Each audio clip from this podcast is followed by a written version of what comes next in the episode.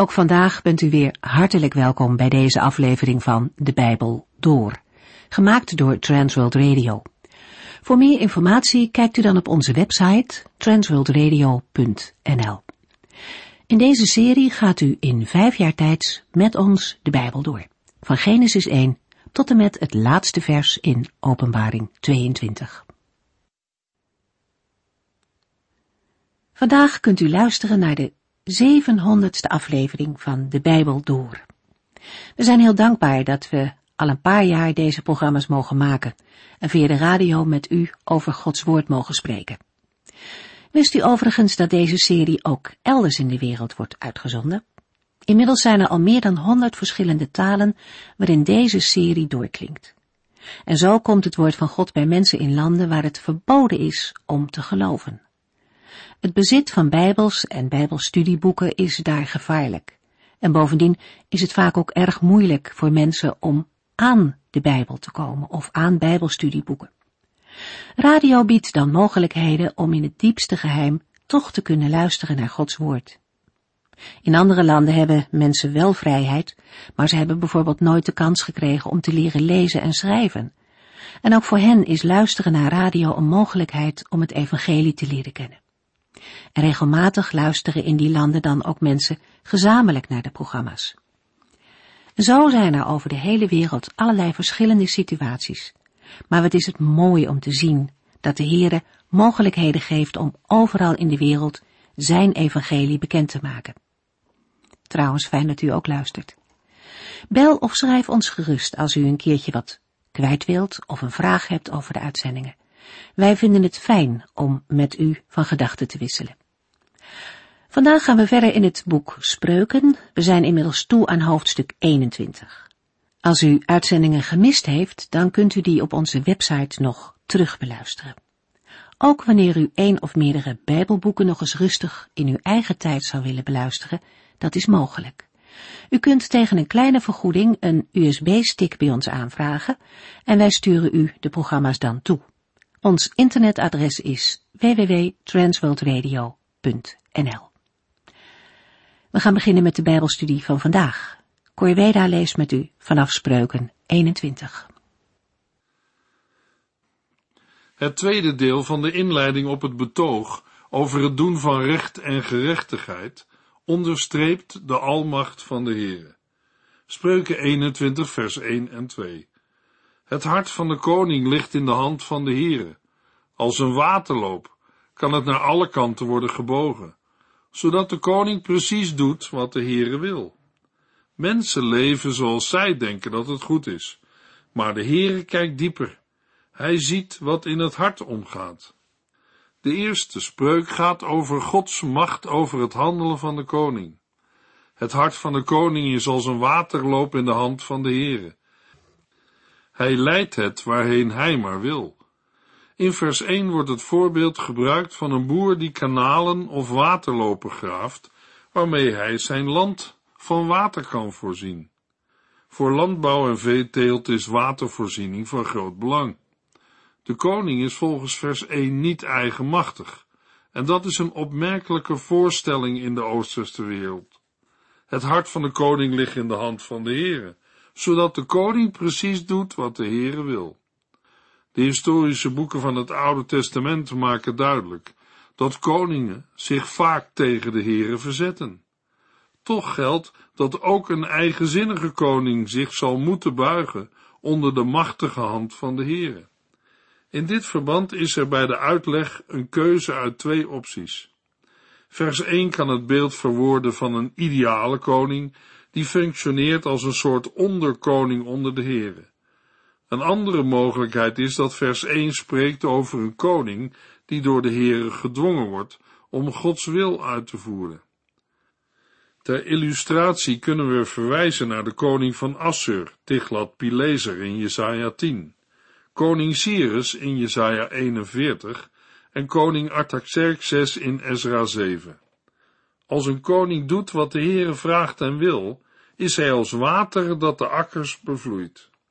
In de volgende spreuk, in vers 2, wordt met een variatie op spreuken 16 vers 2 de macht van de Heere over mensen verwoord. Ieder mens kan zijn eigen gedrag juist vinden en goed praten, maar de Heere toetst de harten. Hij stelt vast wat juist is, omdat de Heere weet wat er in het hart van een mens omgaat.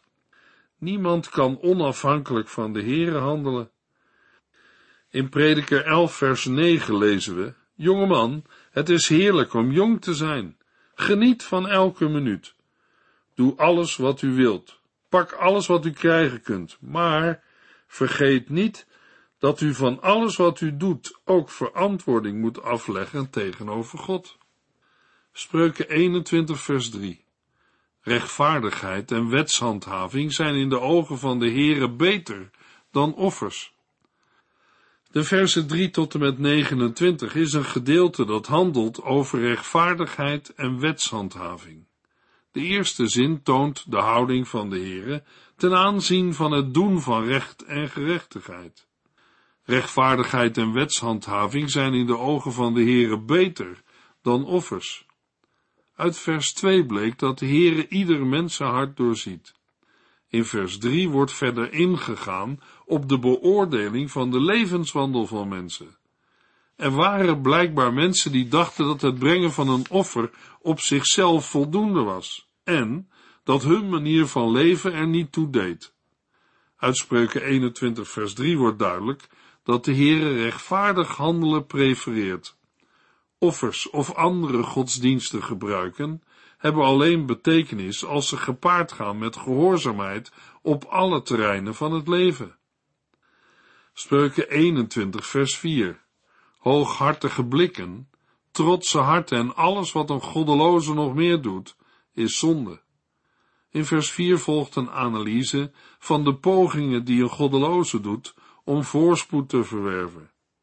Er zijn machtsbeluste mensen die geen oog hebben voor het belang van recht en gerechtigheid. Zulke slechte mensen worden gekenmerkt door trotse ogen en een hoogmoedig hart. Zo'n houding brengt zonde voort. Een mens die alle ruimte voor zichzelf opeist en daarbij anderen wegdrukt, beantwoordt niet aan Gods bedoeling. Een tegenovergestelde houding vinden we bij de apostel Paulus in Romeinen 10 vers 1 tot en met 3. Vrienden, het verlangen van mijn hart en mijn gebed tot God is dat het Joodse volk gered mag worden. Ik weet dat zij met veel toewijding God dienen, maar zij missen het juiste inzicht. Zij begrijpen niet dat Christus gestorven is om het tussen God en hen goed te maken. In plaats daarvan proberen zij door goed te leven Gods gunst te winnen en voegen ze zich niet naar de manier waarop God dat zou willen. Spreuken 21 vers 5 tot en met 8 Een vlijtig mens krijgt alles wat hij nodig heeft, ja, zelfs nog meer dan dat. Maar armoede wacht hem die heel snel heel veel wil hebben. Wie met leugen en bedrog zijn fortuin wil maken, hoeft niet op succes te rekenen en stelt zijn leven in de waagschaal. De goddelozen worden met gelijke munt terugbetaald, omdat zij weigeren ieder het zijne te geven. Een slecht mens leidt een zondig leven, en een goed mens leeft tot eer van God. In vers 5 worden verstandigen en onverstandigen tegenover elkaar geplaatst. De gedachten van een vlijtig mens leidt tot louter winst, terwijl wie heel snel heel veel wil hebben, armoede wacht. In Spreuken 28 vers 20b wordt gezegd dat wie ten koste van alles rijk wil worden, zijn straf niet zal ontlopen. Op eenzelfde manier moeten we tegen de spreuk in vers 5 aankijken. Snelle, op gretigheid gebaseerde winst zal uiteindelijk niet baten. Het is beter dat iemands vermogen op een eerlijke en geleidelijke manier groeit. Wie ontzag voor de Heere heeft en naar zijn wil wandelt, zal ervaren dat God op zijn tijd zegen geeft. Aan de andere kant heeft het ook te maken met tevreden zijn met wat je hebt en verlangen naar dingen die echt nodig zijn. Op een oneerlijke manier rijk worden zal niet bevredigen. En als een mens rijk is, maar met zijn rijkdom niets anders doet dan alleen zichzelf behagen, is het geen zegen, maar een vloek. Een Oosters verhaal vertelt over een Arabier die was verdwaald in een woestijn. Zijn leven was in gevaar. Hij stond op het punt om te komen van honger en dorst. Op een gegeven moment zag hij een pakketje in het zand liggen, dat waarschijnlijk door een langstrekkende karavaan was verloren. Hij strompelde erop af met de gedachte dat er mogelijk voedsel of drinken in kon zitten. Hij scheurde het pakketje open en keek vol verlangen naar de inhoud. Teleurgesteld liet het op de grond vallen en riep: Het zijn alleen maar parels. Natuurlijk waren de parels een fortuin waard, maar hij had ze op dit levensbedreigende moment niet nodig en kon er ook niets mee beginnen. Hij had andere dingen nodig. In 1 Timotheus 6 vers 17 en 18 zegt Paulus tegen Timotheus, maar ook tegen ons. Zeg tegen de rijken dat zij niet trots mogen zijn en niet moeten vertrouwen op hun rijkdom, die slechts een twijfelachtige zekerheid geeft, maar dat zij moeten vertrouwen op de levende God, die ons van alles geeft om ervan te genieten. Zeg hun dat ze hun rijkdom moeten gebruiken om er goed mee te doen.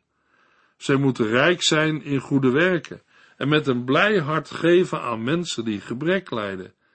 Zij moeten altijd klaarstaan om alles wat God hun heeft gegeven met anderen te delen. Laten wij luisteren naar de wijsheid uit het woord van God. Spreuken 21 vers 9 Het is beter op een hoek van het platte dak te wonen dan in één huis met een ruziezoekende vrouw.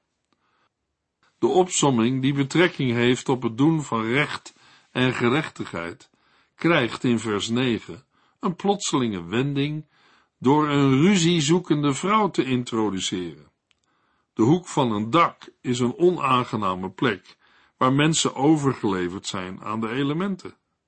Soms was het dak een aangename plek om te zijn.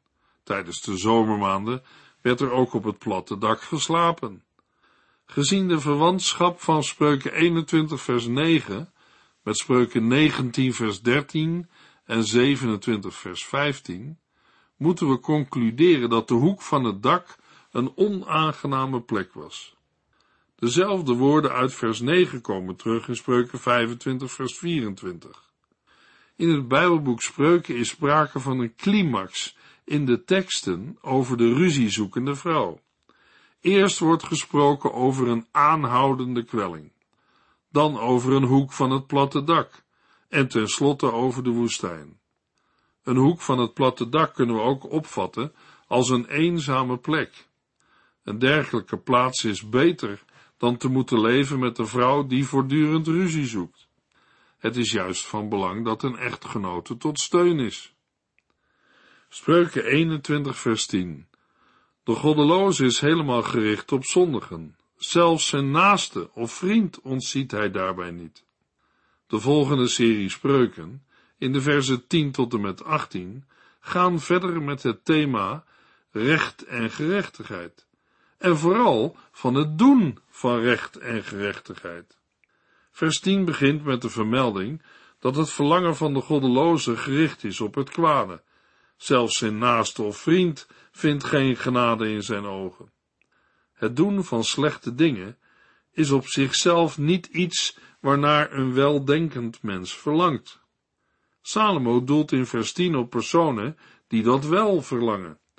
Zulke mensen zullen op geen enkele manier medelijden tonen. Spreuken 21 vers 11 Als een spotter gestraft wordt, komt hij weer op het goede pad en wordt verstandig. Als een verstandig mens onderwezen wordt, dan neemt hij dat ter harte. Als een spotter wordt bestraft, wordt een onervarene wijs en wanneer een verstandig mens onderwezen wordt, doet hij kennis op. Hij neemt het ter harte en wordt verstandig. De spotter is degene die niet meer te verbeteren valt, en zijn bestraffing is in dit verband nuttig voor een argeloos en onervaren mens, die nog aan het begin van een leerproces staat. Zo'n ongevormd persoon zal leren van negatieve en positieve dingen die anderen ondergaan. Hij zal toenemen in wijsheid als hij ziet hoe een wijze zich ontwikkelt. Spreuken 21 vers 12. De rechtvaardige doet er goed aan op te letten hoe het de goddeloze vergaat. Want God zal de goddeloze in het verderf storten. Vers 12 heeft betrekking op de Heere die de wereld overziet en het kwade bestraft. Daarmee wordt de Heere gepresenteerd als een koning die zorg draagt voor zijn volk. Het goede beloont en het kwade straft. Spreuken 21 vers 13. Wie zijn oren dichtstopt voor het hulpgeroep van de armen, wordt zelf ook niet verhoord wanneer hij om hulp roept. De spreuk in vers 13 opent met een uitspraak over onrechtvaardig handelen en sluit af in vers 15b met een verklaring dat boosdoeners het verschrikkelijk vinden als ze rechtvaardig moeten handelen. Wie zijn oor dichtstopt voor het hulpgeroep van de armen, zal in een situatie waarin hij zelf hulp nodig heeft, geen antwoord ontvangen. Uit deze tekst blijkt dat armen onder Gods bijzondere bescherming staan. Als iemand onverschillig is voor de nood van armen, zal de Heer ook niet naar hem of haar omkijken. Spreuken 21 vers 14 Een geschenk dat onopvallend wordt gegeven, helpt de woede bekoelen. De volgende spreuk gaat over het geven van geschenken als hulp bij het bekoelen van woede. Sommige uitleggers gebruiken de term steekpenningen. Zij vragen waarom zou anders het geven van dit geschenk in het geheim moeten plaatsvinden. Het probleem in vers 14 is dat in die situatie niet wordt geluisterd naar de stem van de onderdrukten. De teksten voor vers 14 onderstrepen dat de Heere het recht van armen beschermt en corrupte mensen bestraft. Het effect van steekpenningen is wel reëel, maar niet blijvend. De praktische vraag is wat een gelovige moet doen als hij leeft in een dictatuur waar je alleen iets kunt bereiken door het geven van steekpenningen. Maar in dat geval hebben we te maken met een andere sociale context dan de in vers 14 beschreven ideale toestand waarin het volk van het verbond Israël leefde. Spreuken 21 vers 15 en 16 Een oprecht mens vindt voldoening in rechtvaardigheid, maar voor boosdoeners is dat een verschrikking. Een mens die de goede weg verlaat, kan tot de doden worden gerekend. Deze spreuk stelt dat het doen van rechtvaardigheid een vreugde is voor een oprecht mens en een verschrikking voor de daders van ongerechtigheid. Een oprecht mens vindt voldoening als een rechtvaardig werk wordt voltooid. Een boosdoener ervaart dit anders, want zijn verlangen is niet gericht op barmhartigheid, maar op eer voor zichzelf. Wie gericht is op Gods eer, is ook blij als recht wordt gedaan aan een naaste.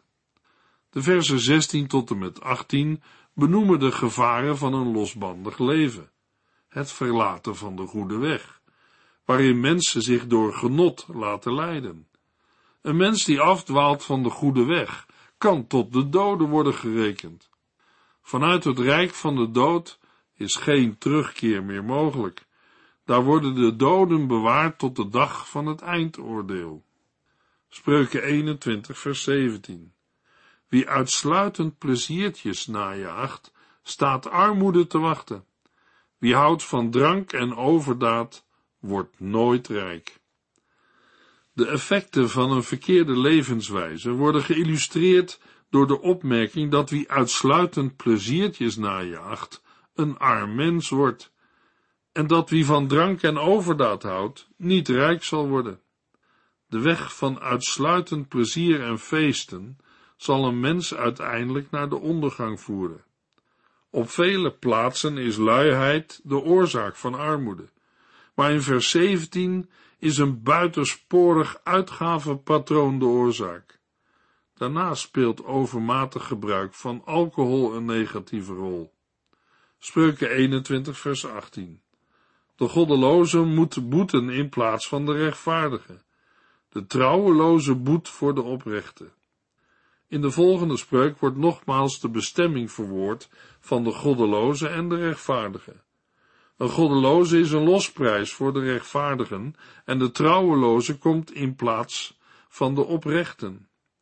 De losprijs geldt hier als een vergoeding voor schade of een misdaad. Op sarcastische toon wordt gezegd dat uiteindelijk aan oprechten recht wordt gedaan en de goddeloze of trouweloze door zijn grote schuld zal vergaan. Spreuken 21 vers 19 Het is beter in de woestijn te wonen dan bij een ruziende en kijvende vrouw. Net als in vers 9 het geval is, wordt de tekst over rechtvaardig handelen onderbroken door een spreuk over het samenleven met een ruziende en kijvende vrouw. In vers 9 ging het over een hoek van het platte dak. Maar in vers 19 wordt een nog ellendiger oord genoemd, namelijk de woestijn. De woestijn is een moeilijk bewoonbaar gebied en doet in de Bijbelse context denken aan de plaatsen waar het volk veertig jaar doorheen trok. Zo wordt gesteld dat een mens beter in erbarmelijke omstandigheden buiten het beloofde land kan rondtrekken, dan met een ruziende en kijvende vrouw te leven. Ze is haar echtgenoot niet tot steun, maar ondermijnt zijn leven. Spreuken 21 vers 20 De wijze beschikt over voldoende geld en heerlijk ruikende olie. Een dwaas mens zou dat er in korte tijd doordraaien. Na de onderbreking over de ruziende en kijvende vrouw wordt gesproken over de zegeningen voor de rechtvaardigen en de dood voor de boosdoeners of dwazen. De eerste spreuk vermeldt dat er voldoende geld en heerlijk ruikende olie in de woonplaats van de wijze zijn, maar dat een dwaze alles erdoor draait. Een wijs mens is gezegend met overvloed. Spreuken 21 vers 21 Wie zijn best doet ieder het zijne te geven en gul te zijn, krijgt alles wat hij nodig heeft, het leven en aanzien. Tegenover de verspilzucht en overdaad van een dwaas, waardoor hij tot armoede vervalt, staat de vlijt en gulheid van een verstandig mens. Wie oprechtheid en eer najaagt, zal leven en eer vinden. Met andere woorden, wie de wil van de Heer in zijn leven zoekt, zal met materiële overvloed worden gezegend.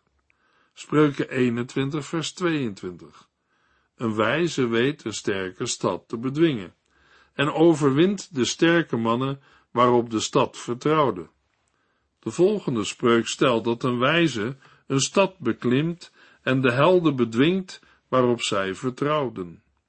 In normale omstandigheden is het niet mogelijk dat een gewoon mens opgewassen is tegen geweldenaars die zich verbergen in sterke vestingen. Maar de situatie verandert als zo iemand wijs is. In principe is hij dan opgewassen tegen machthebbers die sterker zijn dan hij. In prediker 9 vers 18a staat dat wijsheid beter is dan oorlogstuig, dat wil zeggen dan macht en wapens. Een voorbeeld van iemand die door wijsheid veel bereikt, vinden we in 2 Samuel 20. Daar gaat het over een vrouw die door wijsheid de inname van een stad weet te voorkomen. Vers 22 zegt dat wijsheid meer is dan brute kracht. Iemand kan in staat zijn een schijnbaar onneembare vesting te bouwen, maar op een dag zal er iemand langskomen die slim genoeg is en ontdekt hoe hij er binnen kan komen. De oude stad Babylon is een klassiek voorbeeld. Koning Belshazzar zat binnen de muren van de grote stad Babylon met de gedachte: ik zit hier volkomen veilig. Er was een muur rond de stad, maar ook nog een binnenmuur rond het paleis van Belshazzar. De koning was er zeker van dat de muren van Babylon hem zouden beschermen en de stad, volgens hem, onneembaar was. Natuurlijk waren er ook overal wachters op de muren geplaatst. Toch vond de generaal van de vijand een manier om in de stad te komen. Een zijtak van de rivier de Eufraat liep door de stad, min of meer als een kanaal. Hij legde een dam in de rivier, waardoor de rivierbedding van de zijtak droog viel. Daarna was hij in staat zijn leger over de rivierbedding onder de muur door de stad binnen te krijgen. Het leger van Mede en Perzen verspreidde zich in de stad en hadden de stad ingenomen voordat de Babyloniërs door hadden wat er was gebeurd. Napoleon, is een soortgelijke ervaring overkomen toen hij bij de slag bij Waterloo werd verslagen. Hij had gezegd dat God volgens hem altijd aan de kant van het grootste leger stond, maar hij had het mis. Hij had menselijk gezien de slag bij Waterloo moeten winnen. Hij was een briljant veldheer, maar blijkbaar toch niet slim genoeg. Napoleon had de mogelijkheid en het voordeel dat hij de artillerie snel kon verplaatsen, maar had er niet mee gerekend dat zijn artillerievuur in de modder werd gesmoord. De drassige grond vertraagde ook het snelle verplaatsen. Doordat de artillerie was vastgelopen, had zijn cavalerie geen ondersteuning en liep alles anders dan Napoleon had gedacht. Napoleon werd verslagen. Spreuken 21 vers 22 zegt, een wijze weet een sterke stad te bedwingen en overwint de sterke mannen waarop de stad vertrouwde. Spreuken 21 vers 23. Wie zijn mond en tong in bedwang houdt, vrijwaart zich van problemen. De spreuk in vers 23 geeft aan hoe een wijze zich kan beschermen. Wie zijn mond en tong in bedwang houdt, zal zijn leven bewaren voor verdrukking en problemen.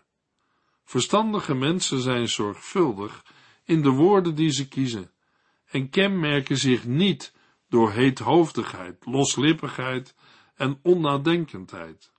Ze weten dat een verkeerd woord op de verkeerde plaats in grote problemen kan brengen.